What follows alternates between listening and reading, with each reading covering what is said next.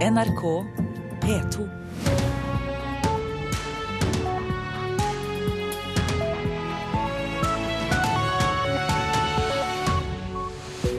Dette er Nyhetsmorgen. Israel innfører altså våpenhvile på deler av Gazastripen. Vi får rapport fra vår Midtøsten-korrespondent. Krigen øst i Ukraina rammer den russiske sivilbefolkningen. De gjemmer seg i kjellere uten vann og strøm. Og Facebook vil snoke i nettsøkene dine for å skreddersy reklame. Forbrukerrådet advarer. Det er noen av sakene den neste halvtimen.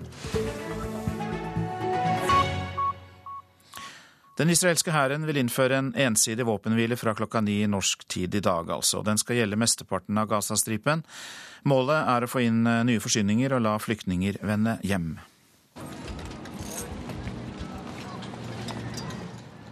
Eselkjerra er fullastet. Familien Al-Raban er på vei hjem med det de rakk å ta med seg da de flyktet fra Beit Lahia for tre uker siden. Området var da under kraftig bombardement. Men i går sa det israelske militæret at det var trygt for dem å dra hjem igjen. I dag ser det ut til at flere palestinere på Gazastripen vil få en sårt tiltrengt pustepause fra krigen. Israel har annonsert at de legger ned våpnene i sju timer. Dermed kan flyktninger få dra tilbake til hjemmene sine, og forsyninger kan komme inn i området. Mens mennene bærer inn eiendelene, leker barna. Vi følte oss ikke trygge på skolene, sier en kvinne i familien. Også de har blitt truffet i angrepene. Men nå sier altså det israelske militæret at flere vil få muligheten til å vende hjem. Den humanitære våpenhvilen skal gjelde hele Gazastripen, bortsett fra Rafa i sør. Hamas er skeptiske til våpenhvilen og kaller den ensidig. En talsmann sier at den har som formål å avlede oppmerksomheten fra israelske angrep. Reporter Maria Abdli. Midtøsten-korrespondent Sigurd Falkenberg Mikkelsen, du er i Jerusalem. Hva er Israels begrunnelse for denne ensidige våpenhvilen? Ja, så vidt jeg har sett, så har ikke israelske myndigheter kommentert dette utover den uttalelsen som kommer fra hæren, der de da sier at de vil innføre denne humanitære våpenhvilen. Og at de også understreker at de vil svare på ethvert forsøk på å utnytte den. Det er sjette gang Israel har en sånn uh, humanitær våpenhvile. våpenhvile. Og det gikk jo veldig galt sist gang, da den ble brutt på fredag. Men det er ikke noe tvil om det desperate behovet for situasjonen for folk i Gaza er helt desperat for svært mange mennesker. Nå er kvartparten av befolkningen er på flukt. I går så ble minst ti sivile drept i et angrep på en FN-skole. Hvilke reaksjoner er kommet på det? Internasjonalt så har jo reaksjonene etter hvert blitt uh, veldig sterke, også fra amerikansk hold. Uh, og her i Israel så har den israelske hæren sagt at de angrep tre medlemmer uh, av islamsk jihad på motorsykkel i nærheten av denne skolen, men at de etterforsker hendelsen videre. Har også Benjamin Netanyahu, Israels statsminister, kommet med en uttalelse der den ikke er direkte knyttet til denne skolen, men der han sier at de beklager sivile tap, men beskylder samtidig Hamas for å gjøre FN-steder til eh, terrorsteder. Men ikke direkte kommentert skole, eh, den skolehendelsen. altså. Noen av eh, Israels bakkestyrker trekkes vel ut av Gaza. Er det et tegn på at Israel er i ferd med å avslutte krigføringen? Det er ikke entydig det bildet vi ser. Eh, for samtidig fortsetter eh, bombingen. Det har også vært eh, bombing i dag morges der elleve mennesker er drept, inkludert en kommandant i islamsk jihad. Men det er samtidig ting som tyder på at de i hvert fall holder på å begrense bakkestyrkene sine og trekke de tilbake til enten ut av Gaza eller til randsonene. Samtidig som de da holder på å fortsatt slåss i Rafa sør i Gaza. Utsendinger fra Hamas, Egypt og USA drøfter en mer varig våpenhvile i Kairo, men det er vel ikke særlig hensiktsmessig, for Israel deltar jo ikke i disse samtalene? Nei, Israel har hele tiden sagt at de ikke vil, eller fall siden våpenhvilen ble brutt fredag, at de ikke vil delta i direkte eh, våpenhvileforhandlinger. Eh, nå har de palestinske fraksjonene blitt enige om en eh, avtale som bl.a. krever at blokaden skal heves. Eh, og at det blir en umiddelbar eh, våpenhvile. Eh, men Israel har ikke kommentert dette ytterligere, og det virker som de er i hvert fall så langt, bestemt på å løse dette alene. Men de vil nok også komme etter hvert fra, under sterkere press bl.a. fra USA for å komme til en mer bindende avtale. Sigurd Falkenberg Mikkelsen, takk skal du ha. Du er vår Midtøsten-korrespondent og rapporterte fra Jerusalem. Krigen i Ukraina nå, for den har eh, flere sider, sider vi sjelden hører om. Den russiske sivilbefolkningen i Øst-Ukraina gjemmer seg for tiden i kjellerne sine i frykt for ukrainsk bombing og artilleribeskyting. Folk er livredde, forteller Galina Garasimova, som bor i en landsby øst i Ukraina. На данный момент у нас в городе нету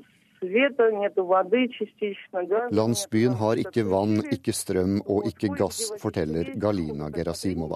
Det har også blitt vanskelig å få tak i mat i butikkene, og prisene har steget kraftig siden den ukrainske hæren starta beskytninga av området for drøye to uker sia. Folk har blitt drept. Venner og slektninger ringer og forteller om folk de kjenner som er døde, men jeg vet ærlig talt ikke hvor mange, sier Galina Gerasimova. Vi har ikke hørt mye om situasjonen for den russiske sivilbefolkninga i Øst-Ukraina etter at krigen startet. De fleste offisielle kildene i området er ukrainske, og ukrainske militære styrker har framgang i distriktene Donetsk og Luhansk, sier Ukraina-ekspert ved Forsvarets forskningsinstitutt Tor Bukkvold. Det er i de mindre byene rundt de store byene der.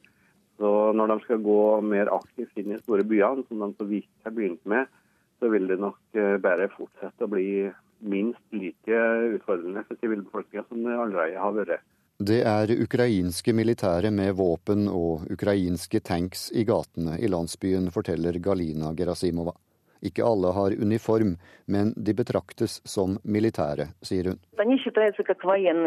De kalles frigjøringsgrupper, og noen av dem har hakekors på klærne og på armene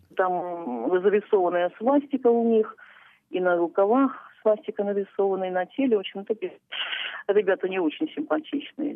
Det er ikke særlig sympatiske karer, sier Gerasimova. Ukraina-ekspert Tor Bukkvold tror tross alt at ukrainske myndigheter i det lengste vil unngå å skade sivilbefolkninga i de russiske områdene. Og Logikken bak det er da at Ukraina skal jo leve med den befolkninga som bor der etter at denne krigen her er over. Og Hvis de har artilleribeskutt dem, på forhånd, så blir det ikke så enkelt å leve med dem. Men sånn at de har, ukrainske myndigheter har et insentiv til å prøve å unngå å skade lok lokalbefolkninga. Men folk i landsbyene må uansett gjemme seg for granatene, i kjellerne sine. Og ingen aner hva som venter i morgen, sier Galina Gerasimova. Denne krigen er det ingen som trenger, sier hun. Ingen vet hva som kommer i morgen. Du laget dette innslaget, tidligere Russland-korrespondent Arne Egil Tønseth, og er med oss i Nyhetsmorgen nå. Vi hørte jo her en kvinne fra en liten landsby eh, nær Luhansk fortelle om den vanskelige hverdagen for den russiske sivilbefolkningen. Men kan du også beskrive den militære situasjonen i dette området øst i Ukraina nå? Ja, Den militære situasjonen er sånn nå at eh, Luhansk, som ja, nærmest må regnes som en slags eh, høyborg for de russiske opprørerne, er på det nærmeste omringa av eh, den ukrainske hæren. Eh, Donetsk, som er en enda større by, nesten dobbelt så stor som Lugansk, er også i ferd med å bli omringa. Det vi hører om nå fra begge disse byene, er at folk, folk hamstrer mat i butikkene i den grad de får tak i mat. Eh, slik at de forbereder seg så godt de kan på en, eh, ja, rett og slett en ukrainsk eh, beleiring. Og, og det er jo sånn de også ser situasjonen. Og ordføreren i Lugansk, Sergej Kravtsjenka, sa i går at dette her er på grensa til en humanitær katastrofe. Vi er jo vant til å høre at det er de russiske opprørerne som har skurkerollen her. Men eh, vi får et eh, noe annet inntrykk i den reportasjen du laget? Ja, De eh, som står i gatene i landsbyene rundt omkring de store byene i Øst-Ukraina nå, det er ukrainske militære og ikke å forglemme deres leiesoldater. Eh, vi hørte så sent som eh, forrige uke, eh, også på norsk eh, radio, at eh, bl.a. svenske nynazister er med i de ukrainske militære, paramilitære grupperingene som opererer i Øst-Ukraina nå. Og vi hørte også Galina Gerasimova her fortelle om folk med hakekors på klær og uh, tatovert på huden, så det er klart at uh, de har uh, et ganske annerledes syn på hvem det er som er okkupanter her, og hvem som er aggressorer, enn det vi vanligvis får av ukrainske kilder. Og vestlige medier har også på en måte hva skal vi si, vært litt sånn på Ukrainas lag her. Sånn at særlig det å beskrive ting fra den Eh, russiske grasrota som vi sier har vært eh, har vi hørt og sett i mindre grad. Og nå eh, innfører Ukraina en krigsskatt. Det tyder vel på at krigen er en stor belastning? Ja, den er en stor belastning. Nå har statsministeren klart å få gjennom en, en ekstra beskatning, sånn at de skal klare den økonomiske utfordringa som krigen er. Eh, vi skal også huske på at krigen har ramma industrien, særlig i Øst-Ukraina, veldig hardt. Mange av kullgruvene som, eh, som er svært viktige for landet, har måttet stenge. Og eksportindustrien har også store problemer fordi at Russland også har innført importrestriksjoner. Og en fjerdedel av eh, Ukrainas eksport den går til Russland. Og landet har virkelig problemer pga. denne krigen. Takk skal du ha, tidligere Russland-korrespondent eh, Arne Egil Tønseth. Klokka den er straks kvart over sju. Vi har disse hovedsakene i nyhetene her i Nyhetsmorgen. Israel innfører en sju timer lang våpenhvile på deler av Gazastripen fra klokka ni. Flere flyktninger fra Syria vil skape mer kø i norske asylmottak, mener Integrerings- og mangfoldsdirektoratet. Mer om det straks. Og vi skal også høre at Facebook vil snoke i nettsøkene dine for å skreddersy reklame. Forbrukerrådet advarer. Mer om det også etter hvert. Ja, for skal Norge ta imot flere flyktninger direkte fra Syria, så vil det øke ventetiden i norske asylmottak. Det bekrefter Integrerings- og mangfoldsdirektoratet, IMDi. Opposisjonen på Stortinget sier de kommer til å vedta at Norge skal ta imot flere FN-flyktninger neste år.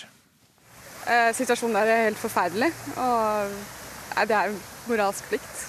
Det er det hvis vi vil. Vi må ta imot enda flere flyktninger fra Syria, mener denne kvinnen på gata i Oslo. Norge skal i år ta imot 1000 syrere som kommer direkte fra Midtøsten og går foran i bosettingskøen. For en ekstra FN-flyktning fra Syria betyr at en annen flyktning må vente lenger i et mottak. Det sier fungerende direktør i IMDi, Bjørn Holden. Dersom eh, vi skal bosette flere overføringsflyktninger på kort sikt, så er det tvingende nødvendig at eh, kommunene øker kapasiteten ytterligere slik at vi unngår at alle de som venter i mottakene, må vente enda lenger. Jeg sliter med å vente, så jeg trenger å flytte, flytte fra hit. Han bor i et mottak og venter på et sted å bo. Akkurat nå sitter 5000 flyktninger i norske mottak og venter på en kommunalbolig. Dette tallet er ventet å synke til 3000 innen utgangen av 2014, som følge av at kommunene har greid å øke kapasiteten på kort tid.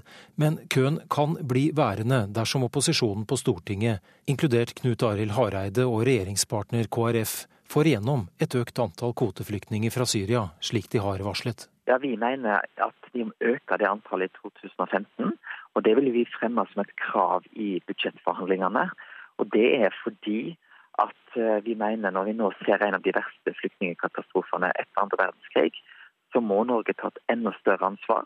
På fredag fikk norske kommuner ros fra Integrerings- og mangfoldsdirektoratet for at de har vært flinke til å bosette syriske flyktninger som kommer direkte fra Libanon og Jordan. Snart kan utfordringen bli enda større. Vi skal jo ta imot 1000 uh, syriaflyktninger i år, men eh, holder det, syns du? Absolutt ikke. Det syns jeg at et land overflodssamfunn som vårt har råd til å ta imot mange flere enn de 1000. Men Samtidig så har vi nær 5000 flyktninger i eh, norske mottak som venter på å starte et normalt liv i en kommune. Mange av de må vente lenge. Gjennomsnittstiden er nå åtte måneder for å komme til en kommune. Sist der var Bjørn Holden i Integrerings- og mangfoldsdirektoratet, og reporter var Lars Håkon Pedersen. Nestleder i Arbeiderpartiet, Helga Pedersen, god morgen. God morgen, god morgen. Ja, dere vil eh, ta imot uh, flere, men så øker vel også køen av de som sitter i mottak. Det er jo humant å ta imot flere, men lite humant å la dem sitte i mottak? Det er helt riktig, og derfor må vi jo klare å løse begge oppgavene på én gang.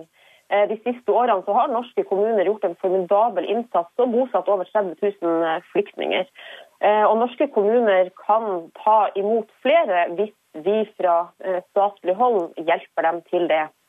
Og Derfor eh, har vi foreslått at man skal øke integreringstilskuddet med 100 000 kroner. Eh, sånn at eh, kommunene både kan bosette flere av dem som venter på mottak, samtidig som vi kan ta vår del av ansvaret for syriske kvoteflyktninger. Ja vel, men tallenes tale er jo klar. Dere bosatte ikke alle asylsøkerne da dere styrte landet i åtte år. 5000 satt i mottak da dere forlot regjeringskontorene? Ja, det er helt riktig. Men samtidig så var det sånn at uh, norske kommuner under vår tid uh, bosatte over 30 000 uh, flyktninger. Og vi ser jo nå at også mindre kommuner i større grad tar imot flyktninger. Og jeg opplever at det er en stor vilje der ute hos norske lokalpolitikere til å ta sin del av ansvaret. Men det er viktig at dette skjer i et samspill mellom gode lokale krefter og statlige eh, myndigheter. Men tror du derfor, bør vi fortsette, derfor bør vi fortsette å øke integreringstilskuddet, som vi også gjorde under vår tid. Samtidig som man sikrer at Husbanken har virkemidler for å sikre Eh, flyktninger, både dem som kommer fra asylmottak og dem som kommer direkte fra Syria. Det kan jo også tenkes at kommunene ikke syns dette er tilstrekkelig, for at de tenker kanskje langsiktig. Vi kan ikke klare å ta imot disse og ha dem boende her over flere år, selv om de får en 100 000 mer i økt tilskudd. Vi ser jo at eh, mange kommuner, som, og ofte de kommunene som har tatt imot flest flyktninger, lykkes veldig veldig godt med integrering. Og Det ser vi i Sunndal kommune, Hammerfest, Levanger, Vadsø som til sammen har tatt imot hundrevis av flyktninger og lyktes veldig godt med integreringsarbeidet.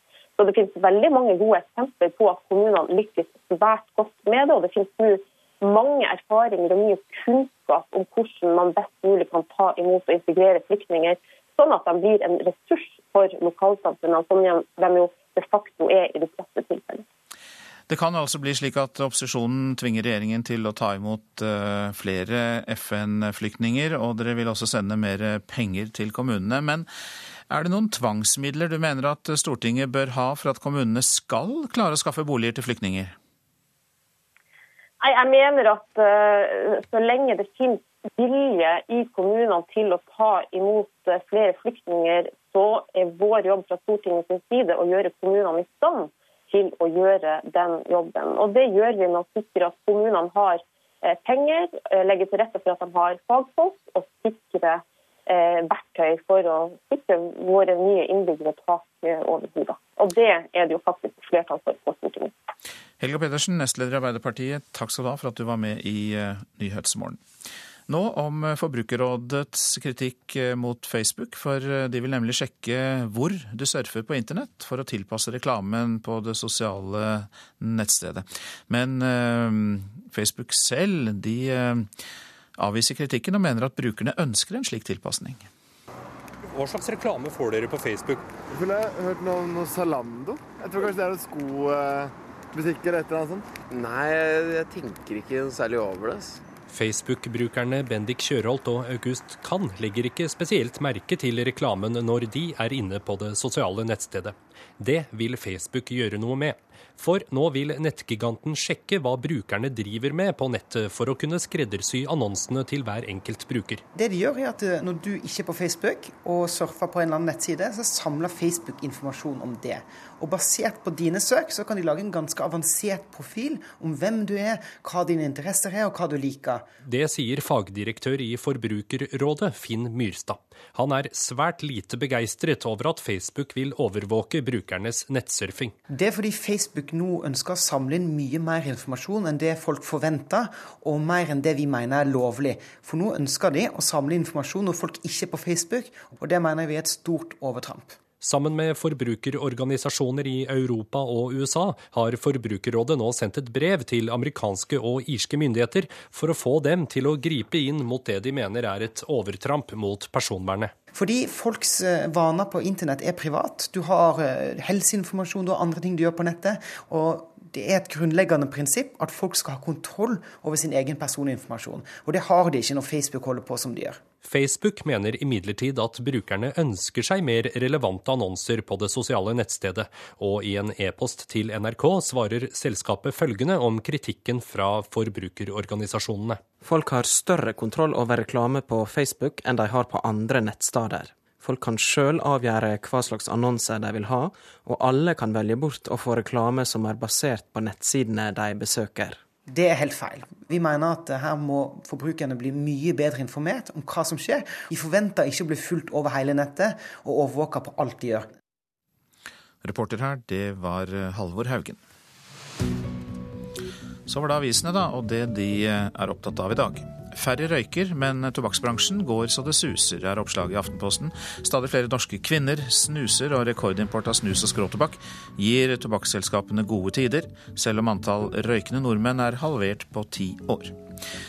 Fire av ti elever får bunnkarakter i matte, kan vi lese i Bergens Tidende. På årets skriftlige eksamen i matte fikk fire av ti norske tiendeklassinger karakteren én eller to. Slik har tilstanden vært i flere år. De gir opp så snart de møter motstand, sier mattelærer Stian Mørk. Han får støtte i det synet fra kunnskapsministeren. Fikk 47 000 kroner i gebyrsmell fra NetCom, skriver Dagens Næringsliv. Gunebo Industrier i Hordaland var uten mobilnett i en måned og sa opp avtalen med mobilselskapet, men da kom gebyret for brutt bindingstid. Vi skal se nærmere på saken, svarer NetCom. Vil leve småbydrømmen, er oppslaget i Nasjonen. Meningsmåling viser at flertallet av oss ønsker å bo i en småby eller i tettbygd strøk. Å bo i en storby havner på tredjeplass. Taper kampen mot de kriminelle i byggebransjen, kan vi lese i Klassekampen. Politiet famler i blinde, vi mangler rutiner og sprer oss for mye. Det sier leder av Økokrim-teamet i Sør-Trøndelag politidistrikt, Morten Dombu. Han sier at useriøse aktører og kriminelle er i ferd med å ta over byggebransjen. Falske rykter spres raskt blant de unge, skriver Adresseavisen. Sosiale medier er eneste informasjonskilde for mange av dem.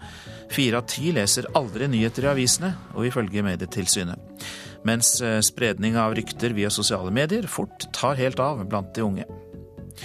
Millioner er på flukt for sin tro. Vårt Land kan fortelle at det er flere religiøst fordrevne i verden enn på svært lenge. Ifølge en ny rapport kan en av årsakene være virkningene av den arabiske våren, for maktvakuumet førte til at minoriteter rammes. Island, Norges 20. fylke, skriver Dagsavisen. Den eh, tidligere redaktøren Gunnar Smari Eigilsson startet sin aksjon på Facebook for å gjøre Island til en del av Norge for to uker siden. Han ble overveldet av den positive responsen i hjemlandet. Finanskrisen herjer fortsatt på Island, nemlig, og Egilson mener det er nær umulig å bygge en fungerende velferdsstat med bare 320 000 mennesker, som er innbyggertallet i Island.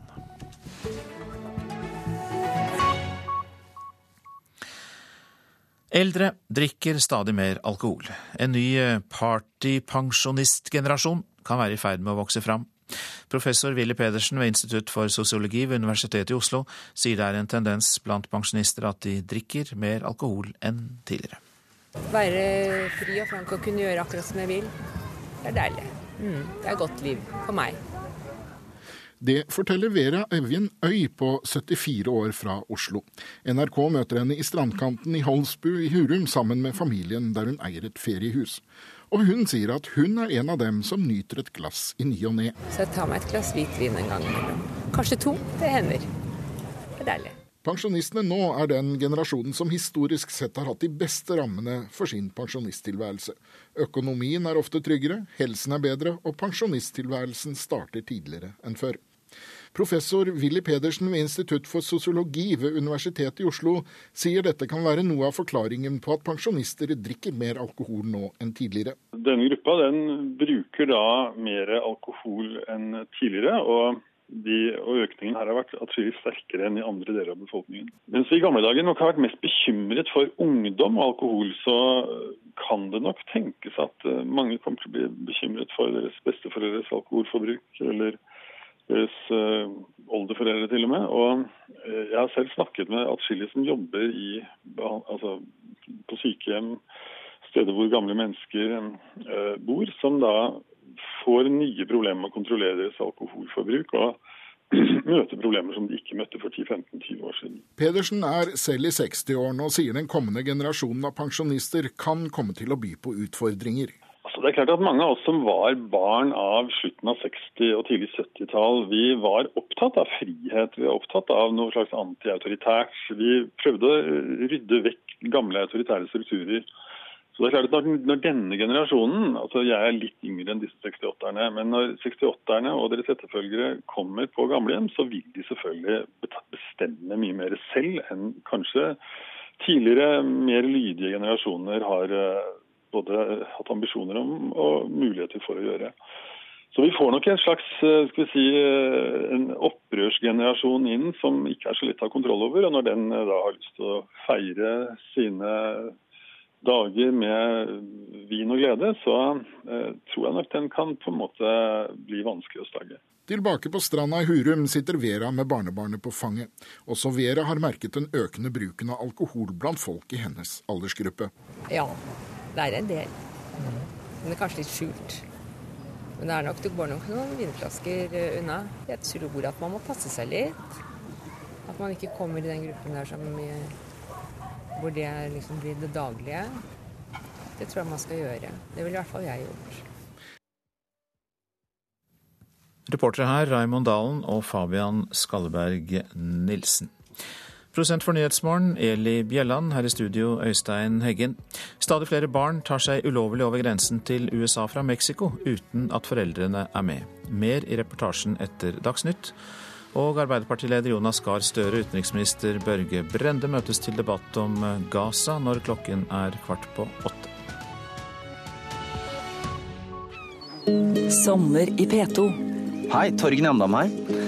I Sommer i P2 i dag skal jeg snakke om eh, hva man husker og hva man har gjennomlevd på bakgrunn av eh, mer eller mindre uvanlige opplevelser jeg hadde som eh, utvekslingsstudent i USA. Sommer i P2. Kjente stemmer inviterer deg nærmere. I dag klokken ti.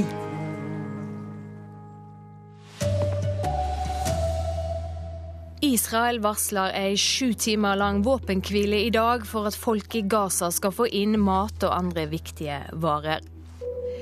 Dersom Norge tar imot flere FN-flyktninger fra Syria, må andre flyktninger vente enda lenger før de får en kommune å bo i. Og Facebook vil overvåke alt du gjør på nettet for å skreddersy reklame. Det prøver Forbrukerrådet å sette en stopper for.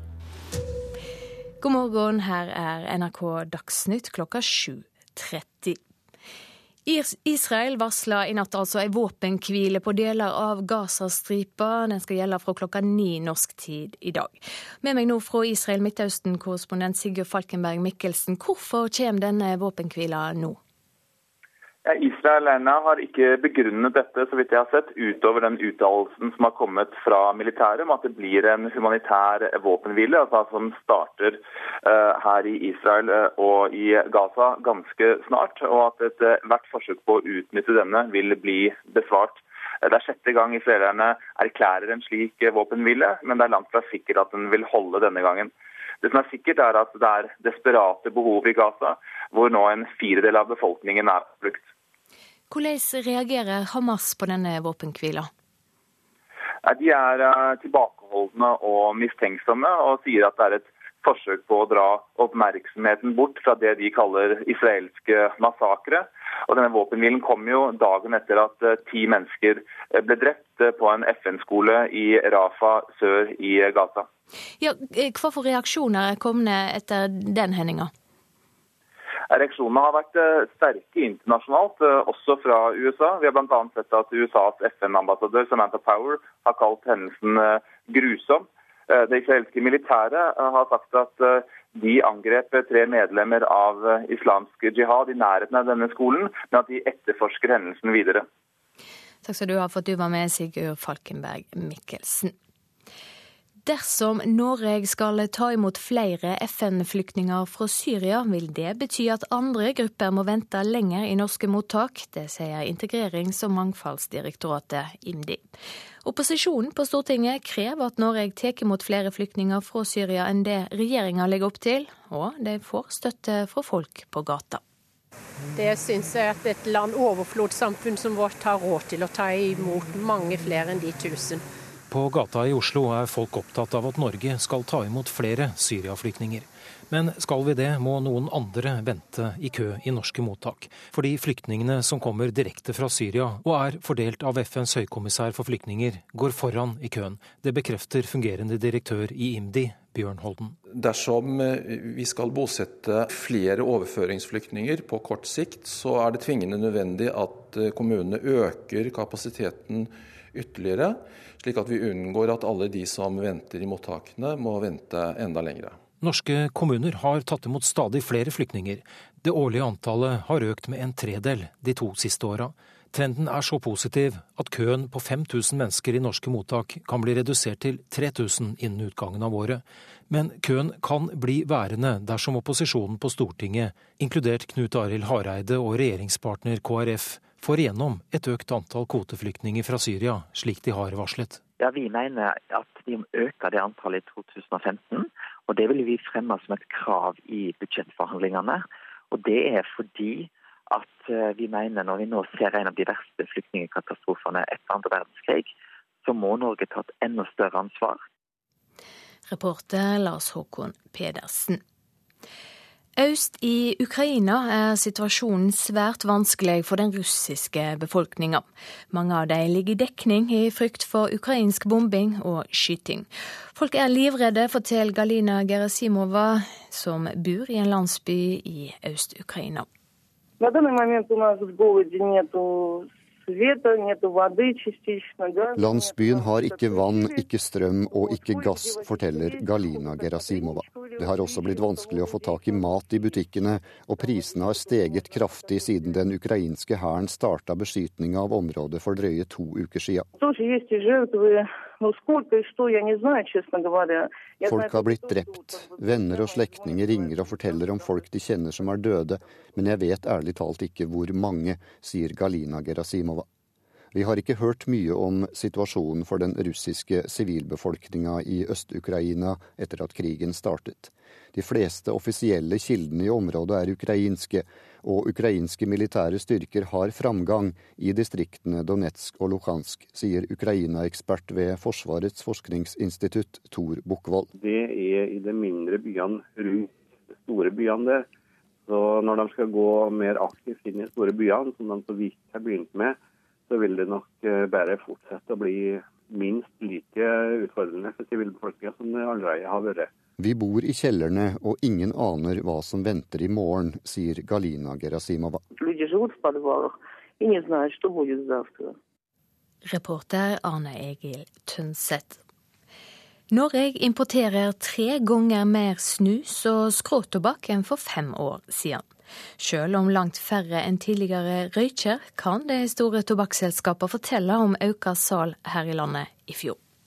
På tross av historier om nordmenn som slutter å røyke, forteller de store tobakksselskapene som Aftenposten har snakket med, om økt omsetning i Norge i året som gikk. Siden 2003 er andelen nordmenn mellom 16 og 74 år som røyker, nesten halvert, viser tall fra SSB. Samtidig er importen for snus og skråtobakk tredoblet på fem år, noe som delvis forklarer hvorfor tobakksselskapene fortsetter å tjene gode penger i tobakksmarkedet. I fjor snuste 9% av befolkningen mellom 16 og 74 år daglig, mens 4% i samme aldersgruppe snuser av og til. Det er også blitt flere kvinner som bruker snus. Siden 2003 har andelen kvinner som snuser gått fra å være nesten ubetydelig til at 4% av norske kvinner nå snuser daglig. Ifølge et av selskapene skyldes de gode resultatene for tobakksindustrien i Norge også at prisene på tobakksvarer har gått opp. Det sa reporter Kristine Næss Larsen. Forbrukerrådet er sterkt kritisk til at Facebook vil sjekke hvor du surfer på internett, for å tilpasse reklamestrømmen mot deg. Sammen med andre forbrukerorganisasjoner i Europa og USA har rådet nå bedt amerikanske styresmakter om å stoppe den nye annonsestrategien fra Facebook. Men Facebook sjøl mener brukerne ønsker ei slik tilpasning. Nå ønsker de å samle informasjon når folk ikke er på Facebook, og det mener vi er et stort overtramp. Det sier fagdirektør i Forbrukerrådet, Finn Myrstad. Han er svært lite begeistret over at Facebook vil overvåke brukernes nettsurfing. For nå vil nettgiganten sjekke hva brukerne driver med på nettet, for å kunne skreddersy annonsene til hver enkelt bruker. Folks eh, vaner på internett er privat, og det er et grunnleggende prinsipp at folk skal ha kontroll over sin egen personinformasjon. Og det har de ikke når Facebook holder på som de gjør. Sammen med forbrukerorganisasjoner i Europa og USA har Forbrukerrådet nå sendt et brev til amerikanske og irske myndigheter for å få dem til å gripe inn mot det de mener er et overtramp mot personvernet. Facebook mener imidlertid at brukerne ønsker seg mer relevante annonser på det sosiale nettstedet, og i en e-post til NRK svarer selskapet følgende om kritikken fra forbrukerorganisasjonene. Folk kan sjøl avgjøre hva slags annonser de vil ha, og alle kan velge bort å få reklame som er basert på nettsidene de besøker. Det er helt feil. Her må forbrukerne bli mye bedre informert om hva som skjer. De forventer ikke å bli fulgt over hele nettet og overvåka på alt de gjør reporter Halvor Haugen. Nå eh, fotball. Magne Hoseth får mye av æra for at Stabæk snudde den dårlige forma i kampen mot Rosenborg i går. Hoseth leverte bl.a. to målgivende pasninger i kampen som enda 4-1. Fredrik Brustad sto for to av måla. Vi har jo hatt en liten formdupp i det siste. Så så får vi inn AJ og Magne i dag, som, eh, som, gir oss det lille ekstra. Og det lille ekstra hadde i går tatt form som en eliteserieveteran med navn Magne Hoseth. Hoseth debuterte med to målgivende pasninger og sendte Stabæk et stykke oppover på tabellen. Men Hoseth selv mener at situasjonen fortsatt er alvorlig. Vi skal ikke skyve under stol hvor vi ligger. Vi må bare se på tabellen, og så må vi gjøre noe med den situasjonen. Vi må være på trening og gjøre det og være bedre for hver eneste dag tenker prestasjoner, så kommer resultatene til slutt.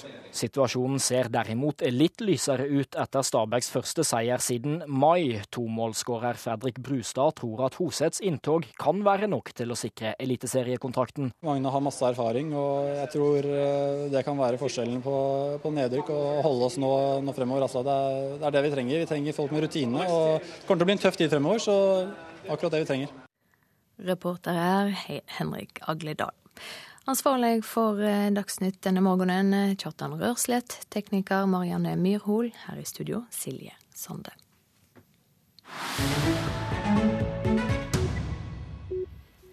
Du lytter til Nyhetsmorgen.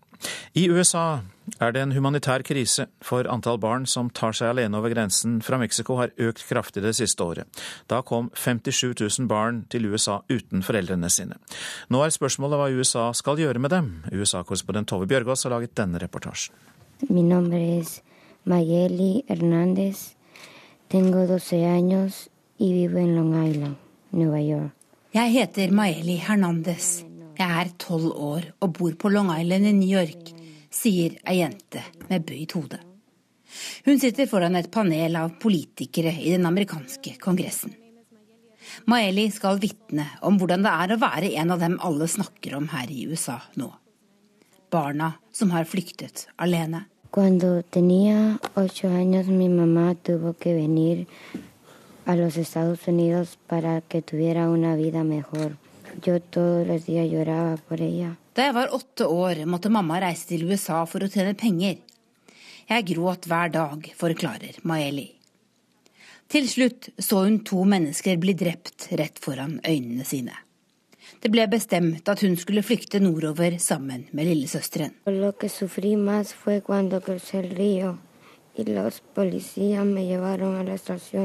Det var skummelt da vi krysset elva og politiet arresterte oss, forklarer hun gråtende. Maeli er en av ufattelig mange. Nesten 57 000 barn fra Mellom-Amerika har kommet alene til USA bare det siste året. Det er en eksplosjon. Barna har flyktet sammen med søsken eller sammen med andre voksne.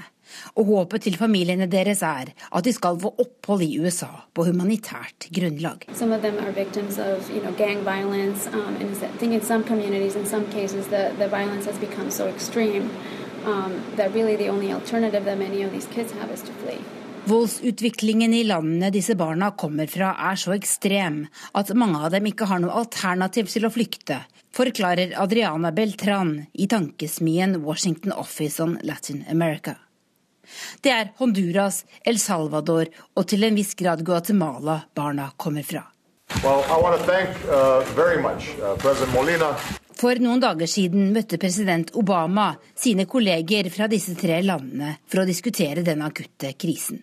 That unfortunately, you know, the governments of Central America, Guatemala, El Salvador, Honduras have not really looked um, at this issue until it became a, a, a dire situation here in the US. Dessverre har ikke lederskapet i Honduras og El Salvador brydd seg om dette problemet før nå.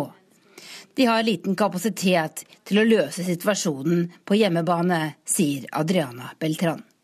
President Obama understreker imidlertid at barna ikke nødvendigvis vil få opphold i USA. Deter uh,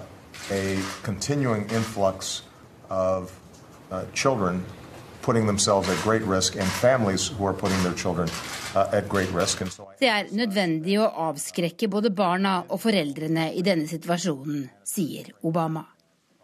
Den allerede eksplosive immigrasjonskrisen her i USA er blitt den aller viktigste saken for ham å klare å løse i sin tid som president. Det har vist seg vanskelig nok å finne en løsning for 11 millioner ulovlige innvandrere som allerede var i USA da barna begynte å dukke opp. Obama-administrasjonen har foreslått å gi barna midlertidig amnesti mens de får prøvd sakene sine. Ja, Du lytter til Nyhetsmorgen, og dette er uh, hovedsakene. Israel innfører en sju timer lang våpenhvile på deler av Gazastripen fra klokka ni.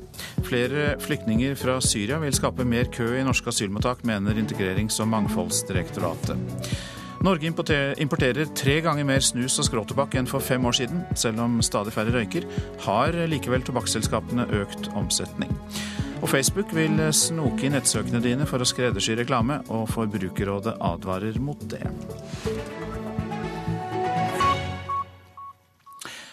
Da ønsker vi velkommen til Nyhetsmorgen, eh, utenriksminister Børge Brende på telefon. Og eh, Arbeiderpartileder Jonas Gahr Støre her i studio. Midtøsten er vårt tema. Våpenhvilen som ble inngått fredag, ble brutt. Kampene på Gazastripen fortsatte. Nå har Israel erklært en sju timer ensidig våpenhvile, som starter om en drøy time. Utenriksminister Børge Brende først, du er med på telefonen altså. Hvilken virkning håper du våpenhvilen kan få? Jeg tror ikke vi skal eh, legge for stor vekt Eh, på den. Det er selvsagt bra at man kan få inn medisiner og man får eh, et opphør i de kamphandlingene. Det vi ser nå, er nok at eh, Israel vil begynne å trappe ned på den bakkeoffensiven. Men det betyr ikke at konflikten er over, fordi vi har ingen garantier for at ikke luftangrepene vil fortsette i de kommende dagene. Det som eh, det er en viktig diskusjon om nå, bl.a. i Kairo, er jo hvordan skal Gaza utvikle seg etter denne konflikten? Kan man få til løsninger hvor man får løfta og endra på det stengningsregimet, blokaden som Gaza har vært utsatt eh, for i de senere årene? Jonas Gahr Støre, det er jo lov å håpe på det Børge Brende sier her, men eh, det virker som denne konflikten stadig blusser opp igjen. Hvilket press kan verdenssamfunnet legge på partene for å få en slutt på det? Vi kjenner jo denne syklusen fra den forrige krigen og den før der, at etter omfattende aktivitet så går, går det mot slutten. Eh, så det blir vel da en slags eh, utfasing og en våpenhvile på et eller annet tidspunkt. Men jeg tror det, skal, det er to ting vi må eh, legge vekt på her nå. Den ene er den akutte humanitære situasjonen inne i Gaza. Tusenvis av mennesker på flukt, store ødeleggelser og mangel på uh, helt elementære ting. De har nesten ikke strøm, nesten ikke vann, det flyter med kloakk. Så dette er en humanitær katastrofe i et område som allerede var veldig veldig dårlig stilt før dette skjedde. Så det er et tema som denne våpenhvilen tydeligvis skal ta noe tak i. Men det store spørsmålet er det utenriksministeren er inne på, nemlig hva skjer etterpå?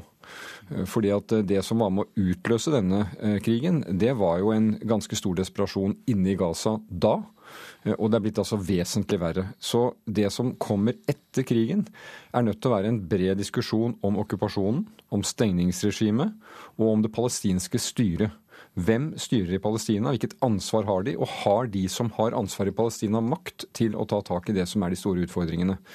Og her ligger det selvfølgelig et enormt ansvar på Israel, som er den sterke staten militært, og som også håndhever stengningsregimet rundt Gaza, sammen med Egypt, må det tilføyes, men som også er okkupant på Vestbredden.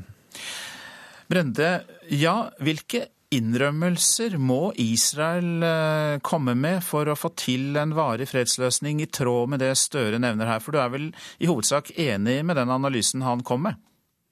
Jeg syns det er en god analyse, eh, og en realistisk analyse. Eh, alt bunner jo i mangelen på en tostatsløsning. Så lenge det palestinske folk er de facto annenrangs borgere i sitt Eh, eget land, eh, så vil det være kimen til konflikt i mange år fremover. Det vi har sett i Gaza nå, blusse opp igjen eh, etter bare halvannet til to år siden forrige militære operasjon, er jo tegn på at blokaden av Gaza, sånn som vi har sett den de siste årene, er overhodet ikke bærekraftig. Man kan jo ikke leve med en situasjon hvor tusenvis av uskyldige mennesker blir drept på denne måten. Det svekker selvsagt Israels legitimitet. Det er helt uakseptabelt når det gjelder det humanitære. Så Derfor så blir det viktige samtaler fremover om hvordan regimet skal man ha i Gaza fremover. Hvordan kan man sørge for at uh, dette ikke skjer igjen? Hvordan kan man sørge for at Eh, man får til eh, løsninger hvor man igjen kan se vekst og utvikling og muligheter for folket. Og Der kommer president Abbas og de palestinske selvstyremyndighetene inn. Eh, Abbas må få full anledning til å styre både på Vestbredden og i Gaza, og muligheten til å styre og finansiell styrke til eh, å komme med programmer som bidrar til at eh, han ser håp. Ja, Støre, Var det da feil av Norge i, i, din tid i regjering da å gå i dialog med Hamas? Når vi hører her, så, så, så kom de jo selv med kritikk mot eh, Hamas og deres eh, styre på Gaza. Var det da feil å gå i dialog med dem? Nei, altså Jeg tror det er helt fundamentalt viktig at vi er i dialog med alle parter. Og jeg registrerer at utenriksministeren og denne regjeringen også har den dialogen ved sine diplomater. Det er helt avgjørende. To perspektiver her. Det ene er jo at Netanyahu nå i de siste dagene har sagt uttrykkelig at det aldri under noen omstendigheter vil være en avtale hvor han vil gi fra seg makten på Vestbredden. Uh, og, de facto har han egentlig da sagt at tostatsløsningen ligger veldig langt under hans perspektiv. Så det som hele tiden har vært på en måte en politisk gulrot der framme, at det er det vi sikter mot, er jo på mange måter nå uh, kraftig svekket av det, pluss bosettingsaktiviteten på Vestbredden. Slik at vi tror jo på en illusjon. Så om det er en tostatsvisjon, så er det en enstatsrealitet hvor, som utenriksministeren sier, palestinerne er annenrangs borgere. Når det gjelder så det palestinske folk, så er det jo for dem slik at det er en tragedie at de er delt og splittet mellom ulike grupper. Og jeg tror at vi er nødt til å tenke nytt også her, eh, i retning av at eh, alle palestinske fraksjoner som har makt på bakken, som de sier i denne regionen, må ansvarliggjøres og trekkes inn. Fordi Jeg er jo enig med Børge Brende som sier at uh, de palestinske selvstyremyndighetene burde styre på Gaza. Det, bare, det gjør de ikke. Uh, og de, de, kommer ikke til å gjøre det hvis ikke man finner en eller annen form for løsning med Hamas og de gruppene som styrer der. Og Det mener jeg man kan uh, sikte mot uten at man anerkjenner hva Hamas står for. Man kan snakke med dem uten å godta deres charter. Men realiteten på bakken, som vi har sett tragisk når de sender raketter mot Israel, er at de har makt der. Og det er en makt man ikke klarer å bombe vekk. Eh, alle nordmenn som har vært i Gaza til alle tider, kommer tilbake og sier at det de har sett, det bidrar til ekstremisme. Og det som er kommet de siste ukene, eh, kommer til å bidra til enda mer ekstremisme. Slik at eh, Jeg hadde en lang samtale i går kveld med den tidligere statsministeren i Palestina, Saddam Fayyad, som er en mann jeg tror vi i vår del av verden har lyttet mye til. Han sier da at hvis ikke vi nå får en inkluderende prosess i Palestina hvor alle grupper som har makt, kommer sammen og tar ansvar, eh, så kommer vi ingen vei. Og dette bildet som Børge Brende riktig tegner, om at palestinere som annenrangs borgere blir bare ytterligere forsterket. Brende, eh, er det da slik at eh, det som Støre sier er en enstatsrealitet, men vi har en tostats, tostatshåp om en løsning? Burde man ikke heller da legge opp politikken til en ettstatsløsning? At eh, man må skape en stat der eh, disse gruppene må leve sammen på en eller annen måte? Eh, det er ikke min visjon. Det er en uakseptabel løsning. Uten en reell tostatsløsning så vil man ikke få fred i regionen. Og husk at konflikten mellom israelere og palestinere er en kime til konflikt mellom det såkalte Vesten og arabere i hele verden. Så dette er på mange måter en kreftsvulst som man må angripe. Så er det jo, etter at eh, John Kerrys eh, fredsplan i vår stranda, eh, ikke så store håp rundt fremtidige fredsforhandlinger. Men jeg tror, etter å ha snakka med kvartettens leder i går, Tony Blair, og visestatsminister Mustafa i de palestinske områdene, så tror jeg at etter en sånn operasjon som vi har vært gjennom nå, med helt uakseptable sivile tap, Eh, og det har vært tap militært på Israels side, så tror jeg det er en tid og kommer en tid for ettertenksomhet. Og jeg tror at eh, selv statsminister Netanyahu vil tydeligere eh, se at status quo er ingen opsjon i denne regionen. Det vil bli en forverring, og dette er en forsmak på hva man kan se av uroligheter i årene fremover hvis eh, palestinske ungdommer vokser opp i en situasjon eh, hvor de føler seg som annenrangsborgere, og hvor de ikke ser noe håp fremover.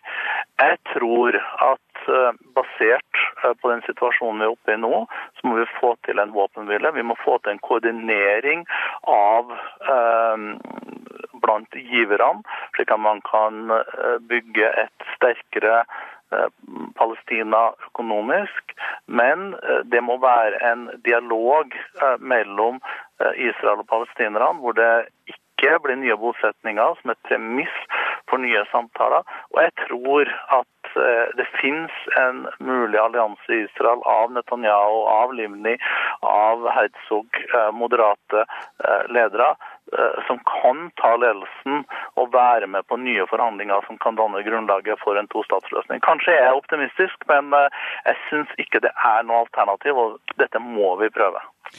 Da må vi la det stå der med det du kaller kanskje optimisme. Utenriksminister Børge Brende, takk også til deg, Arbeiderpartileder og tidligere utenriksminister Jonas Gahr Støre. For her i Nyhetsmorgen så skal vi over til sommerpraten, som har gått som en eh, serie her den sommeren.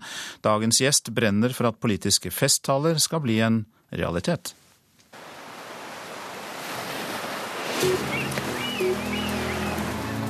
Sommerserien i Nyhetsmorgen. Navn? Anders Folkstad. Stilling? Leder Junior. Har du gjort noe i sommerferien? Jeg har gjort uh, mye i sommerferien, men uh, først og fremst har det vært hytteliv på Sørlandet med barn og barnebarn, og litt mer trimming enn vanlig. Og litt jobbing også. Fit for fight? Ja, klar nå. Hvem som du ikke kjenner fra før, vil du delt en kurv jordbær med?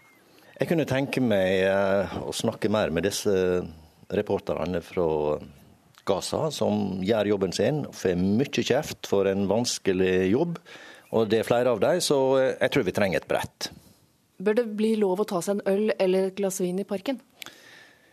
Det er ikke mangel på alkoholforbruk her til lands. Jeg syns eh, ikke vi skal stimulere til mer, så jeg tror det er greit at det er som det er. Og det er jo ikke den lova som blir hardest håndheva heller. Bør hasj legaliseres? Nei. Gir du til tiggere? Det hender seg. Hvorfor det? De eh, sitter der. Det er av og til vanskelig å eh, gå forbi, rett og slett. Og mange fortjener hjelp. Så tiggerforbud, det tror jeg ikke noe på. Og skal en ha et tiggerforbud, så må en også stoppe alle andre selgere som springer etter oss med mye rart. Erna Solberg tjener om lag 1,5 millioner kroner i året. Er det for lite? Det er tre-fire ganger så mye som en lærer eller eh, sykepleier, så det er jo ei eh, bra lønn. Men avstanden opp til mange næringslivsledere er for stor. Eh, så jeg syns mer at det er det en burde diskutere, den avstanden. Vil du ha OL i Oslo 2022? Jeg er veldig idrettsinteressert, men jeg ser mange problemer med OL i eh, Oslo. Så jeg er tilbakeholden der. Jeg synes at eh, hele OL-systemet må på en annen kurs før eh, Norge arrangerer OL. Hvordan skal det skje, da? Kanskje ved at Oslo sier nei, slik at IOC får tenke seg om og endre hele opplegget sitt. Kunne du sendt dine barn på privatskole? Det var ikke aktuelt eh, den gangen de gikk på skole. Det er den beste løsninga å velge offentlig for de aller fleste. Så jeg holder på det. Hvis du fikk all makt eh, i Norge en dag, hva ville du endret eh, på permanent basis da? Da vil jeg syte for at alle festtaler om at utdanning og kunnskap skal lønne seg, ble en realitet. Hva må til da? En eh, ny politisk eh, kurs. Det må lønne seg bedre å satse på utdanning. Det må lønne seg bedre for de som gjør kunnskapsarbeid. De må verdsettes eh, høyere. Der trengs det en endring, og den vil jeg få til. Hvilken statsråd synes du har gjort det best i Høyre-Frp-regjeringen? Jeg holder en knapp på statsministeren sjøl. Jeg syns hun er jordnær, folkelig og eh, slettes ikke pompøs. Så jeg heller en knapp på Erna Solberg. Men hvilken statsråd tror du må gå først i denne regjeringen? Der tror jeg ikke det er så mange som blir eh, spurt, så akkurat det tror jeg overlater til Erna Solberg. Vi får nok se det en dag. Ehm, det er viktig å ha gode folk med seg når man skal bygge organisasjon. Er det en person du gjerne skulle hatt med i Unio? Ja, det er nå sikkert mange en kunne tenke seg, men jeg tror jeg vil ta en som eh, gjør en viktig jobb. Kanskje ikke aller mest eh, kjent. Han er generaldirektør, heter det vel, i ILO, FNs arbeidslivsorganisasjon. Han driver det globale trepartssamarbeidet. Kjempeviktig jobb, viktig og krevende arbeidsoppgave. Han er dyktig, han kunne jeg tenke meg i Unio. Unio-leder Anders Folkestad intervjuet av Hedvig Bjørgum. Og så til et eh, værvarsel fram til midnatt. Fjell i Sør-Norge, regnbyger, lokal torden. Utpå dagen lettere vær i Langfjella. Østlandet regnbyger, lokal torden. Mest nedbør i østlige og nordlige områder. Utover ettermiddagen noe lettere vær på Østlandet med noe sol. Telemark skyet eller delvis skyet. Lengre perioder med opphold, men utpå dagen forbigående noen regnbyger i Telemark. Agder i ettermiddag sørvest opp i liten kuling på kysten øst for Oksøy. Skyet eller delvis skyet, stort sett oppholdsvær. I kveld pent vær. Vestlandet sør for Stad regnbyger utrygt for torden i nord. Fra i ettermiddag minkende bygeaktivitet. Møre og Romsdal regnbyger utrygt for torden. Lettere vær seinere. Trøndelag enkelte regnbyger, noe sol. Utover ettermiddagen lokalt kraftige regnbyger. Nordland og Troms noen regnbyger, lokalt kraftige byger med torden. Finnmark oppholdsvær og noe sol, og Nordensjøland på Spitsbergen stort sett pent vær. Hør flere podkaster på nrk.no podkast.